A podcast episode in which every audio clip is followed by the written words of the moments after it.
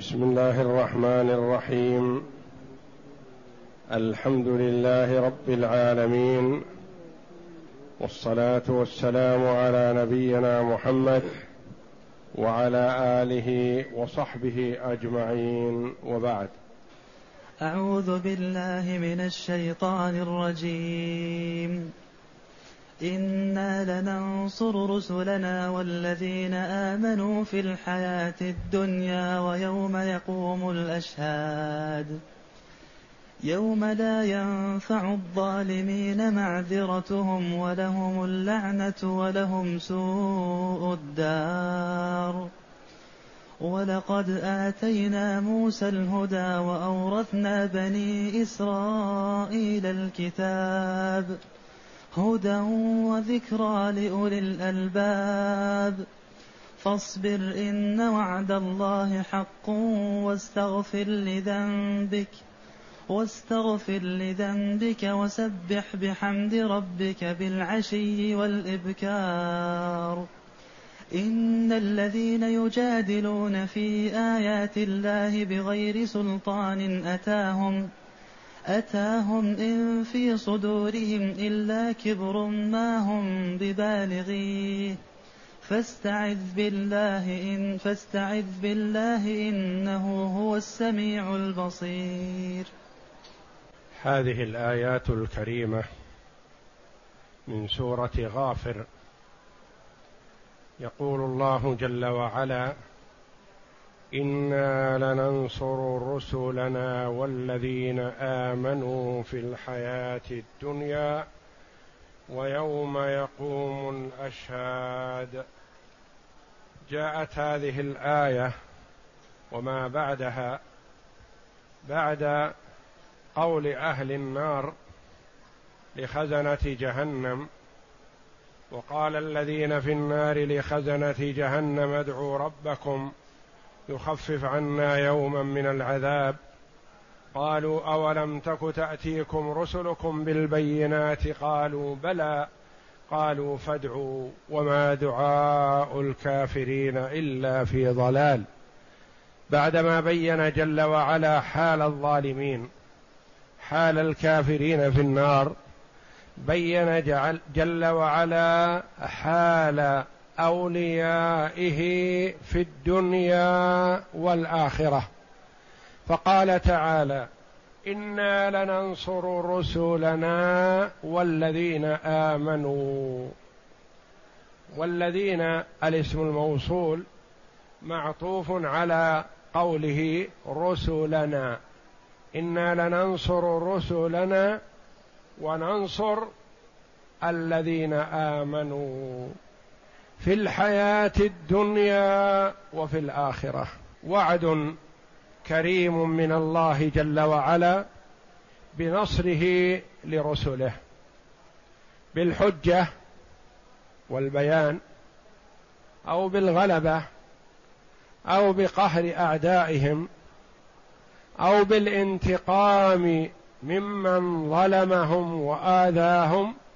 كل هذا ممكن. في الحياة الدنيا وفي الآخرة بالجنة ومغفرة الذنوب والدرجات العلى وجوار الرب الكريم جل وعلا. إنا لننصر رسلنا والذين آمنوا في الحياة الدنيا وفي الآخرة. قد يقول قائل قد تخلف النصر أحيانا فبعض الرسل قتلتهم أممهم وأحيانا تكون الهزيمة للرسل ومن معهم من المؤمنين. فأين نصر الله الموعود به؟ نقول أجاب العلماء رحمهم الله على هذا السؤال. فقالوا قد يقال إنا لننصر رسلنا والذين آمنوا. هذا هو الغالب المضطرد. وقد يتخلف النصر أحيانا للموعظة والعظة والعبرة. قد يتخلف النصر أحيانا للعبرة والاعتبار وعدم الاتكال على ما وعد الله جل وعلا به وحده بدون احتياط وأخذ الحيطة. والله جل وعلا قال وأعدوا لهم ما استطعتم من قوة. قد يتساهل المرء في الاحتياط فتكون النتيجة بخلاف ما توقع. وذلك السبب عائد إلى عدم استعداده كما حصل للصحابة مع النبي صلى الله عليه وسلم في يوم أحد. فالله جل وعلا نصرهم في أول المعركة وكانت الغلبة لهم وأخذوا يقتلون ويسلبون الغنائم بكثرة وانهزم المشركون. فعصى بعض من حضر أمر النبي صلى الله عليه وسلم فكر المشركون عليهم مرة ثانية وكانت الهزيمة. وجرح النبي صلى الله عليه وسلم وشجه وكسر رباعيته واستشهد من استشهد من الصحابة رضي الله عنهم ومنهم حمزة عم النبي صلى الله عليه وسلم بسبب معصية وجدت من بعضهم. وقد يقال إن النصر والتأييد بأن يكون لهم الثناء والأخذ بالثار حتى وإن قتلوا. فشيخ الإسلام ابن تيمية رحمه الله مات في السجن بسبب تسلط أعدائه عليه. وحبس وطال حبسه حتى مات في السجن رحمه الله. ولكن الله جل وعلا جعل له الثناء والذكر الحسن في الدنيا فما يذكر إلا ويقال رحمه الله. ودعوات المسلمين له. فليس النصر بالغلبة دائما وإنما قد يكون النصر لهم بعد الممات بالثناء الحسن. والذكر الجميل. اذا فالعاقبة بلا شك للمتقين لكن قد يقتل المتقي في الدنيا وقتله نصر له. ينال الشهادة المنزلة العالية الرفيعة في الجنة ويبقى حيا يرزق عند ربه باستشهاده. في سبيل الله وهكذا.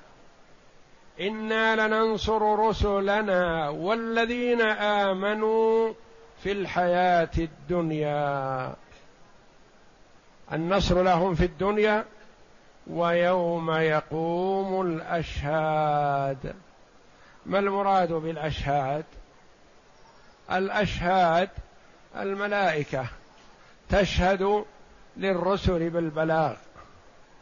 وتشهد للأمم على الأمم المكذبة بالتكذيب. والملائكة تشهد على المرء ما عمل من خير أو شر إذ يتلقى المتلقيان عن اليمين وعن الشمال قعيد. ما يلفظ من قول إلا لديه رقيب عتيد. وجاءت كل نفس معها سائق وشهيد. الشهداء الملائكة. والرسل. فكيف إذا جئنا من كل أمة بشهيد وجئنا بك على هؤلاء شهيدا؟ الرسول صلى الله عليه وسلم يشهد على هذه الأمة كما أن الانبياء السابقين يشهدون على أممهم. والشهداء أمة محمد صلى الله عليه وسلم. يشهدون للرسل والأنبياء السابقين بالبلاغ.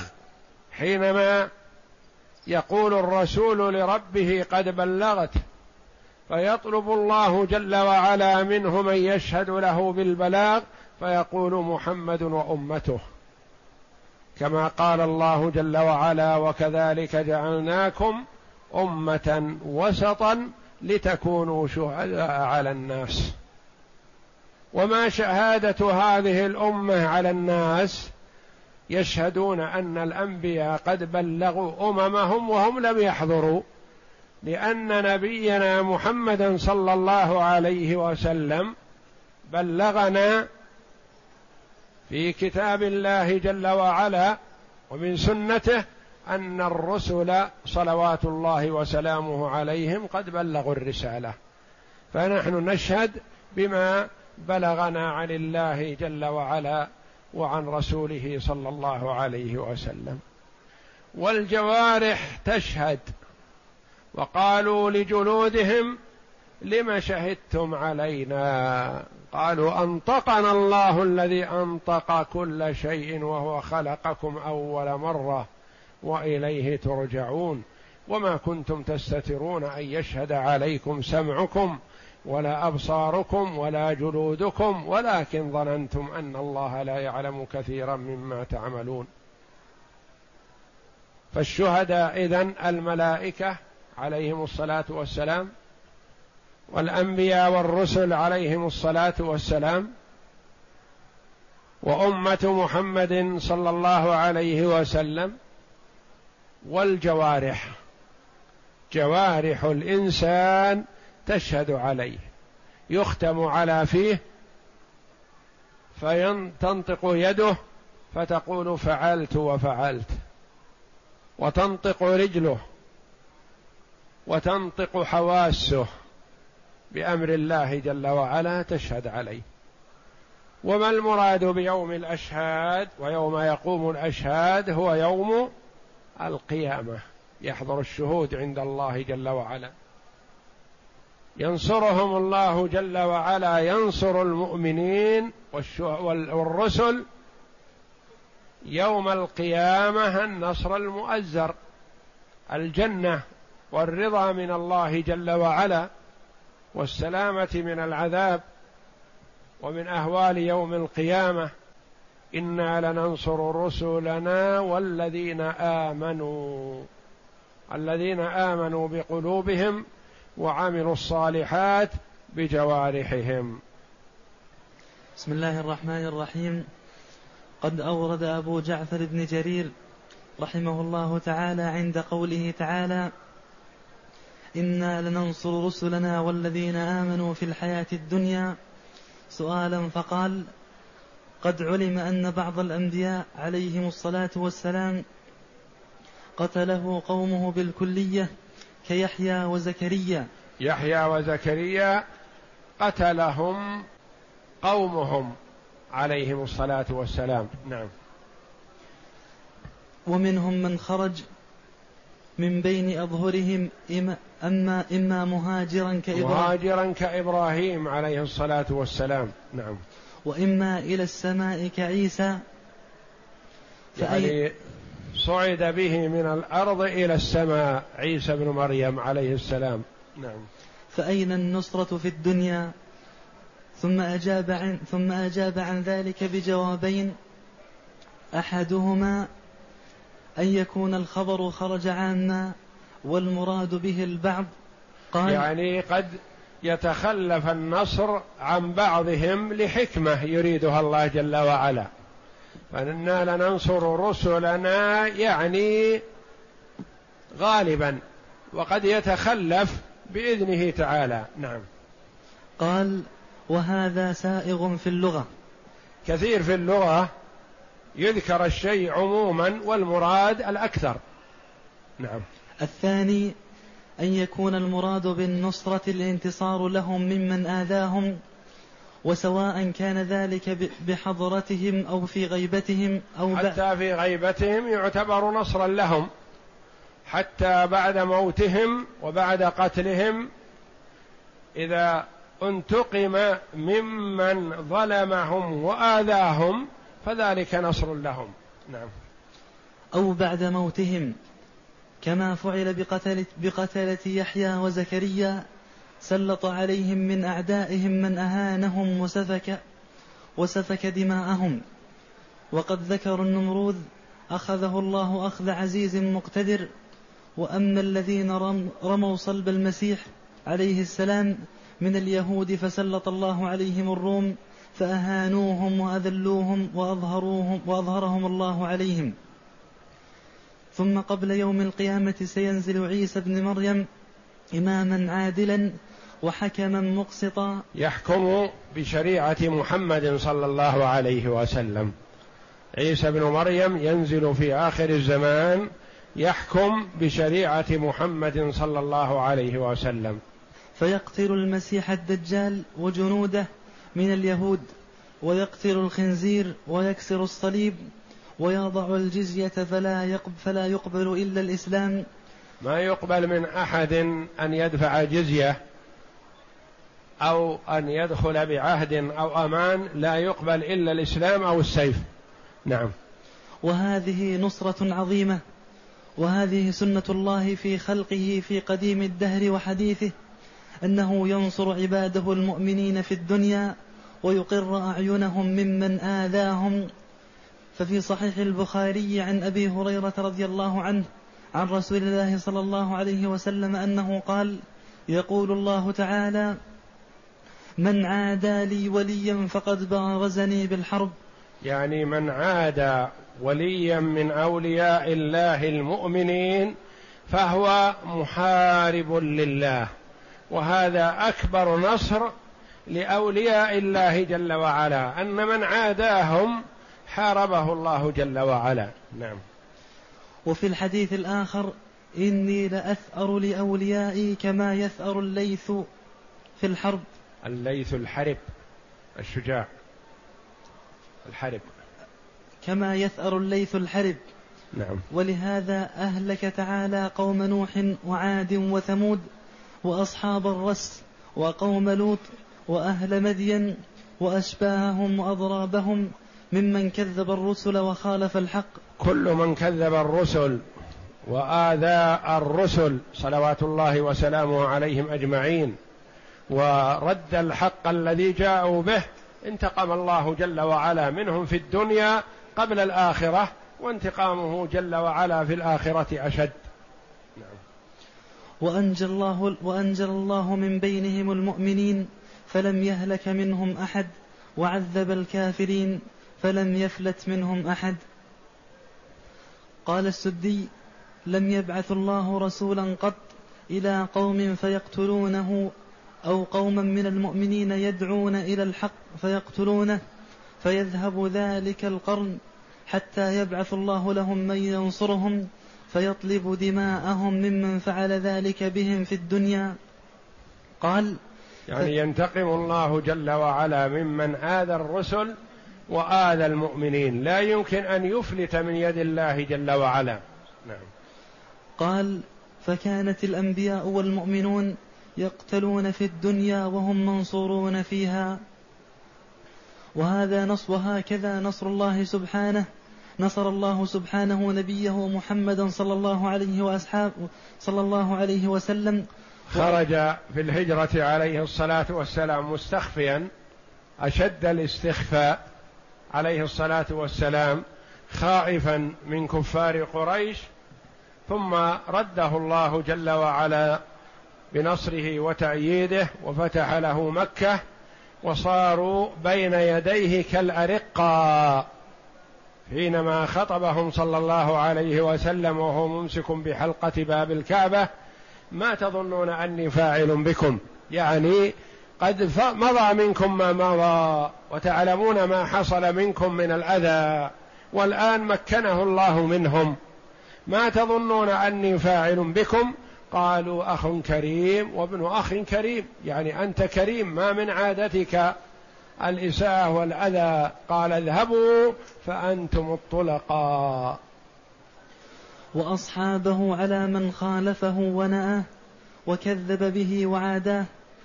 فجعل كلمته هي العليا ودينه هو الظاهر على سائر الأديان وأمره بالهجرة من بين ظهراني قومه إلى المدينة النبوية وجعل له فيها أنصارا وأعوانا ثم منحه أكتاف المشركين يوم بدر فنصر فنصره عليهم وخذلهم وقتل صناديدهم وأسر قتل سبعين من كبراءهم في معركة بدر وأسر سبعين صلوات الله وسلامه عليه.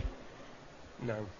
وأسر أسراهم فاقتادهم مقرنين في الأصفاد ثم من عليهم بأخذ بأخذه الفداء منهم بعد ثم بعد مدة قريبة فتح عليه مكة فقرت عينه ببلده وهو البلد المحرم المشرف العظيم فأنقذه الله به مما كان فيه من الشرك والكفر.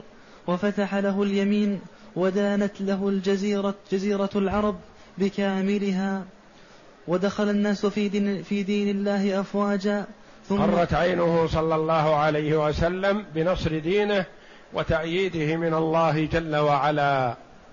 فما قبض صلى الله عليه وسلم إلا وقد مكن الله لدينه في الأرض. نعم. ثم قبضه الله تعالى إليه لما كانت عنده من الكرامة العظيمة فأقام الله, فأقام الله أصحابه خلفاء بعده فبلغوا عنه دين الله ودعوا عباد الله إلى الله وفتحوا البلاد والأقاليم والمدائن والقرى والقلوب حتى انتشرت الدعوة المحمدية في مشارق الأرض ومغاربها. الحمد لله. ثم لا ثم لا يزال هذا الدين قائما منصورا ظاهرا إلى قيام الساعة. ولهذا قال تعالى إنا لننصر رسلنا والذين آمنوا في الحياة الدنيا ويوم يقوم الأشهاد. يوم لا ينفع الظالمين معذرتهم. كأن قائلا يقول متى يوم الأشهاد؟ قال جل وعلا يوم لا ينفع الظالمين معذرتهم. فهم من هذا أن الظالمين المعاندين الأشقياء الظلمة يعتذرون في ذلك اليوم. يأتون أذلاء معتذرين لكن هل ينفعهم الاعتذار؟ لا والله. يوم لا ينفع الظالمين معذرتهم. يذعنون. لأنهم يشاهدون جهنم بين أيديهم. ولهم اللعنة واللعنة من الله جل وعلا الطرد والإبعاد عن رحمته تعالى. والمطرود عن رحمة الله ذليل خسيس حقير مهين. ولهم اللعنة ولهم سوء الدار. الدار السيئة وما هي؟ نار جهنم والعياذ بالله. فالله جل وعلا وعد أولياءه بالنصر ووعد من خالفهم وناوأهم بالخذلان في الدنيا والآخرة والعذاب الشديد في الدار الآخرة. نعم. وقوله تعالى يوم لا ينفع الظالمين معذرتهم بدلا من قوله ويوم يقوم الأشهاد. وقرأ آخرون يوم بالرفع كأنه فسره به يوم يقوم الأشهاد يوم لا ينفع الظالمين وهم المشركين معذرتهم أي لا يقبل منهم عذرا ولا فدية ولهم اللعنة أي الإبعاد والطرد من الرحمة ولهم سوء الدار وهي النار قاله السدي بئس المنزل والمقيل. وقال يقول الله جل وعلا ولقد آتينا موسى الهدى وأورثنا بني إسرائيل الكتاب. هذا من جملة نصر الله جل وعلا لأوليائه ومن أطاعه ومن اتبع رسله. كانوا أذلة محتقرين يكلفون بأخس المهن وأشقها عند الأقباط في مصر. يقتل الأبناء وتستخدم النساء.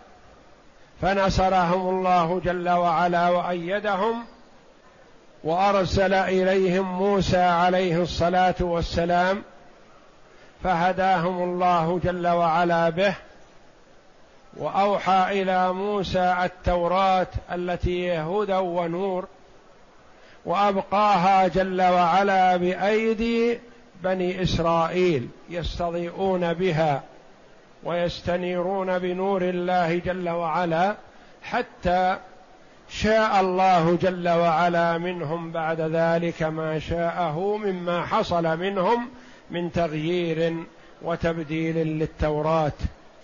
وقوله ولقد آتينا موسى الهدى وهو ما بعث الله به من الهدى والنور وأورثنا بني إسرائيل الكتاب أي جعلنا لهم العاقبة وأورثناهم بلاد فرعون وأمواله وحواصله وأرضه بما صبروا على طاعة الله واتباع رسوله موسى عليه السلام.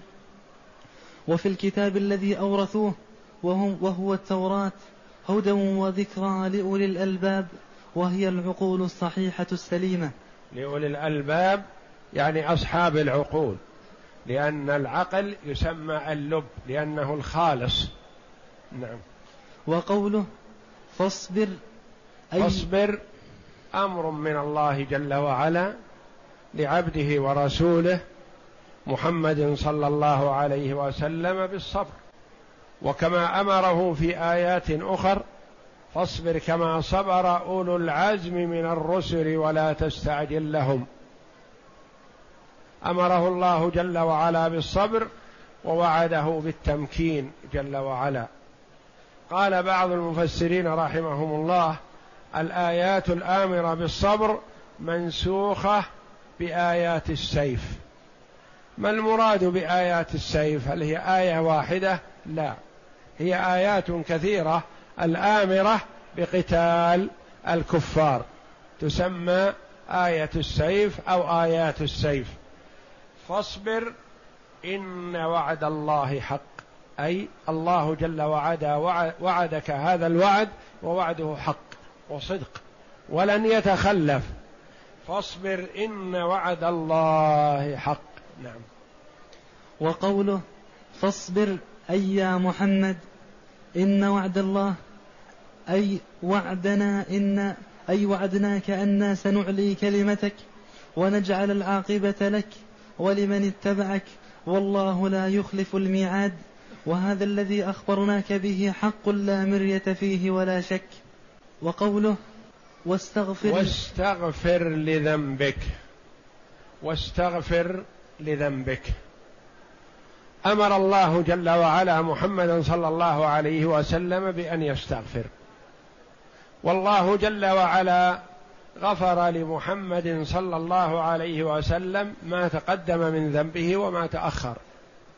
والله جل وعلا عصم محمدا صلى الله عليه وسلم من الكبائر ومن الصغائر على قول الجمهور. فما المراد بالأمر بالاستغفار؟ الأمر بالاستغفار اذا عبادة وليكون تشريعا للأمة. إذا كان محمد صلى الله عليه وسلم وهو الذي غفر الله له ما تقدم من ذنبه وما تأخر مأمور بالاستغفار فغيره من باب أولى. فلا يقول المرء الاستغفار وطلب المغفرة للواقع في الذنوب والمعاصي وإنما لكل عبد من عباد الله ما دام الرسول عليه الصلاة والسلام مأمور بالاستغفار فغيره من باب أولى. وأبو بكر الصديق رضي الله عنه أفضل هذه الأمة بعد نبيها لما سأل النبي صلى الله عليه وسلم أن يعلمه دعاء يدعو به في الصلاة قال له قل رب إني ظلمت نفسي ظلما كثيرا ولا يغفر الذنوب إلا أنت. أبو بكر يقول رب إني ظلمت نفسي ظلما كثيرا. والله يقول لعبده محمد صلى الله قاطبة بالاستغفار. قال بعض المفسرين رحمهم الله في قوله فاستغفر لذنبك أي لذنوب أمتك. استغفر لذنب أمتك وإلا فأنت ليس عليك ذنب.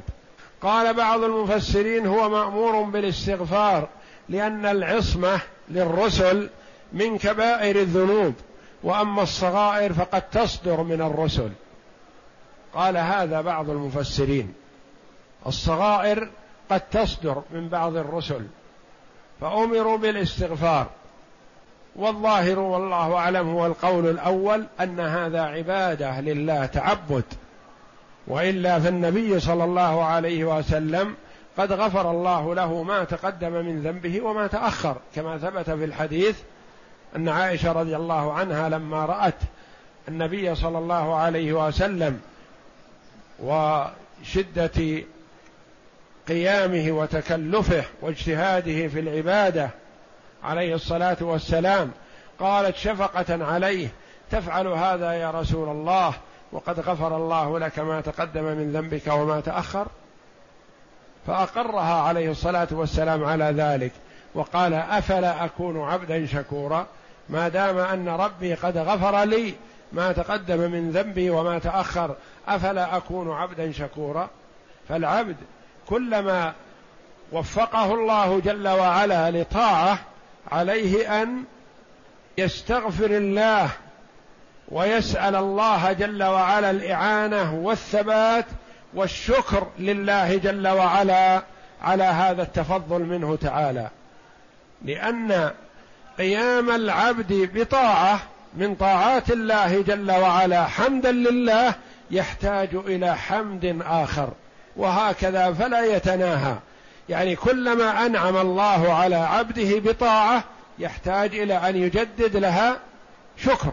وتجديده الشكر يحتاج إلى شكر كذلك.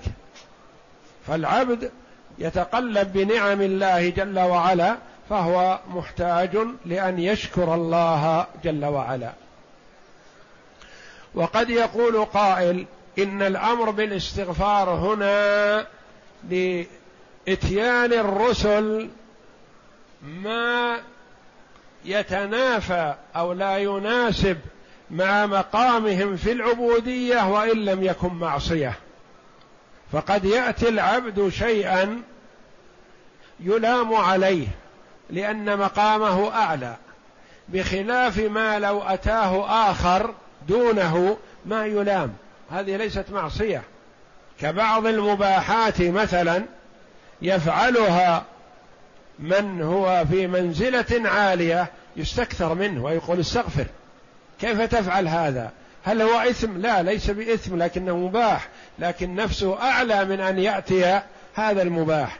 بينما آخر إذا أتاه لا يلام ولا يقال له شيء ولا يؤنب فقد يكون الاستغفار لإتيان خلاف الأولى والأكمل. نعم. واستغفر لذنبك. هذا تهيج للأمة على الاستغفار. وسبح بحمد ربك بالعشي. أي في آخر النهار وأوائل الليل. وسبح بحمد ربك بالعشي والإبكار. قال بعض المفسرين المراد الصلوات الخمس. العشي الظهر والعصر والمغرب والعشاء. أربع صلوات. والإبكار الفجر. وهو شمل المح... الأمر بالمحافظة على الصلوات الخمس. وقيل الآية مكي المكية والمراد أنه كان مفروض قبل فرض الصلوات الخمس ركعتين في الصباح وركعتين في المساء. وقيل المراد الاستمرار في التسبيح. فالوقت لا يخرج إما أن يكون بكرة أو عشي. ليس هناك وقت ثالث. وسبح استغلق الوقت كله في التسبيح بالعشي والإبكار. مثل ما تقول اعمل ليل نهار. يعني لا تتوقف عن العمل. لأن الوقت إما ليل وإما نهار إما بكرة وإما عشية. فانت استغرق الوقت كله بالتسبيح. وسبح بحمد ربك سبح نزه الله جل وعلا واحمده. التسبيح تنزيه الله جل وعلا عما وصفه به المشركون. والتحميد الثناء على الله جل وعلا بما هو أهله والشكر لله. والإبكار وهي أوائل النهار وأواخر الليل. وقوله إن الذين يجادلون في آيات الله بغير سلطان أتاهم لما امتدح جل وعلا المؤمنين ووعد رسوله صلى الله عليه وسلم بالنصر والتأييد وبين مثالا لنصره لمن أطاعه وهم بنو إسرائيل. وأمر الله محمدا صلى الله عليه وسلم بالاستغفار والتسبيح. وأمر النبي صلى الله عليه وسلم أمر لأمته بين جل وعلا حال من عارضهم وناوأهم. ووقف في طريق الدعوة الإسلامية فقال إن الذين يجادلون في آيات الله بغير سلطان أتاهم إن في صدورهم إلا كبر ما هم ببالغيه. إن الذين يجادلون يخاصمون ويردون الحق لما جاءتهم آيات الله بغير سلطان بغير حجة وبغير برهان وإلا من يجادل بحجة وبرهان حري بأن يقع على الحق والصواب. لأن الله جل وعلا أمر بالمجادلة بالحق. فقال تعالى ادع إلى سبيل ربك بالحكمة والموعظة الحسنة وجادلهم بالتي هي أحسن. فالمجادلة بالتي هي أحسن مأمور بها شرعا. المجادلة لإحقاق الحق وإظهاره وبيان الأدلة من الكتاب والسنة. وأما المجادلة بالباطل بغير حجة وبغير برهان هذه هي المردودة. وهي صفة الظالمين. إن الذين يجادلون في آيات الله بغير سلطان بغير حجة بغير سلطان أتاهم. ما أتاهم حجة ولا برهان ولا سلطان. إن في صدورهم إن هنا نافية. إن ما في صدورهم إلا كبر. ما فيهم إلا الكبر. يعني ما ردوا الحق لكونه غير مناسب وإنما ردوه لداء في نفوسهم وهو الكبر. يتكبرون ويتمنون أن يصلوا أشياء لن يستطيعوا الوصول إليها. يتكبرون على محمد صلى الله عليه وسلم لعلهم يغلبوه لعلهم يكونوا فوقه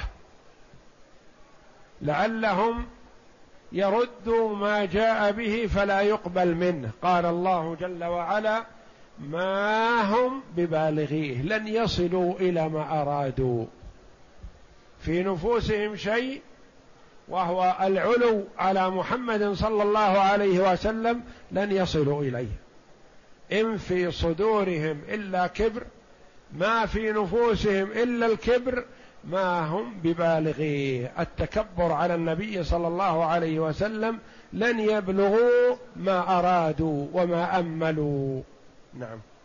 إن الذين يجادلون في آيات الله بغير سلطان أتاهم أي يدفعون الحق بالباطل ويردون الحجج الصحيحة بالشبه الفاسدة بلا برهان ولا حجة من الله إن في صدورهم إلا كبر ما هم ببالغيه.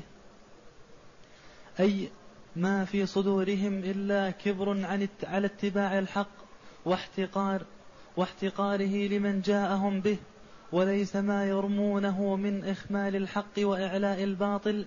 بحاصل لهم ما هو حاصل لهم الشيء الذي يعملونه؟ ما هم ببالغيه؟ لن يصلوا إليه. نعم. بل الحق هو المرفوع وقولهم وقصدهم هو الموضوع. فاستعذ بالله. فاستعذ بالله. يعني مهما تسلط عليك الأعداء وتسلط الكفار وأرادوا رد الحق بالباطل فالتجئ إلى الله. اعتصم بالله. توجه إلى الله جل وعلا. لا تغالبهم بحولك وقوتك وحجتك بل غالبهم بالالتجاء إلى الله جل وعلا وسؤاله العون والتوفيق. فاستعذ بالله. أي متسلط تسلط عليك استعذ بالله من شره والله يقيك إياه. إنه أي الله جل وعلا هو السميع. يسمع أقوال الكفار وما يقولونه فيك سواء كنت حاضرا أو غائبا. ويسمع ما يصدر منك ومن أوليائك من التوجه إلى الله جل وعلا. إنه هو السميع البصير المطلع جل وعلا فهو موصوف بالسمع والبصر جل وعلا موصوف بصفات الكمال.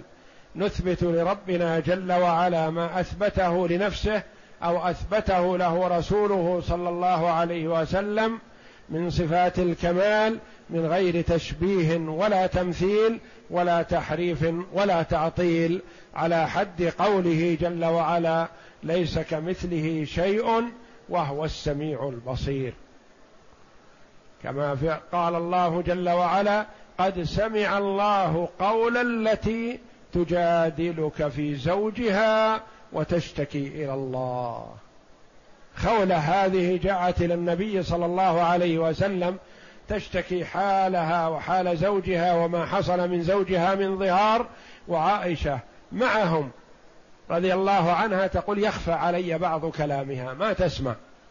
بعض ما تقول لكونها تسر للنبي صلى الله عليه وسلم أنزل الله جل وعلا في الحال والمرأة موجودة قد سمع الله قول التي تجادلك في زوجها وتشتكي إلى الله والله يسمع تحاوركما إن الله سميع بصير. فهو يسمع ويرى جل وعلا دبيب النملة السوداء على الصخرة الصماء في ظلمة الليل. إنه هو السميع البصير.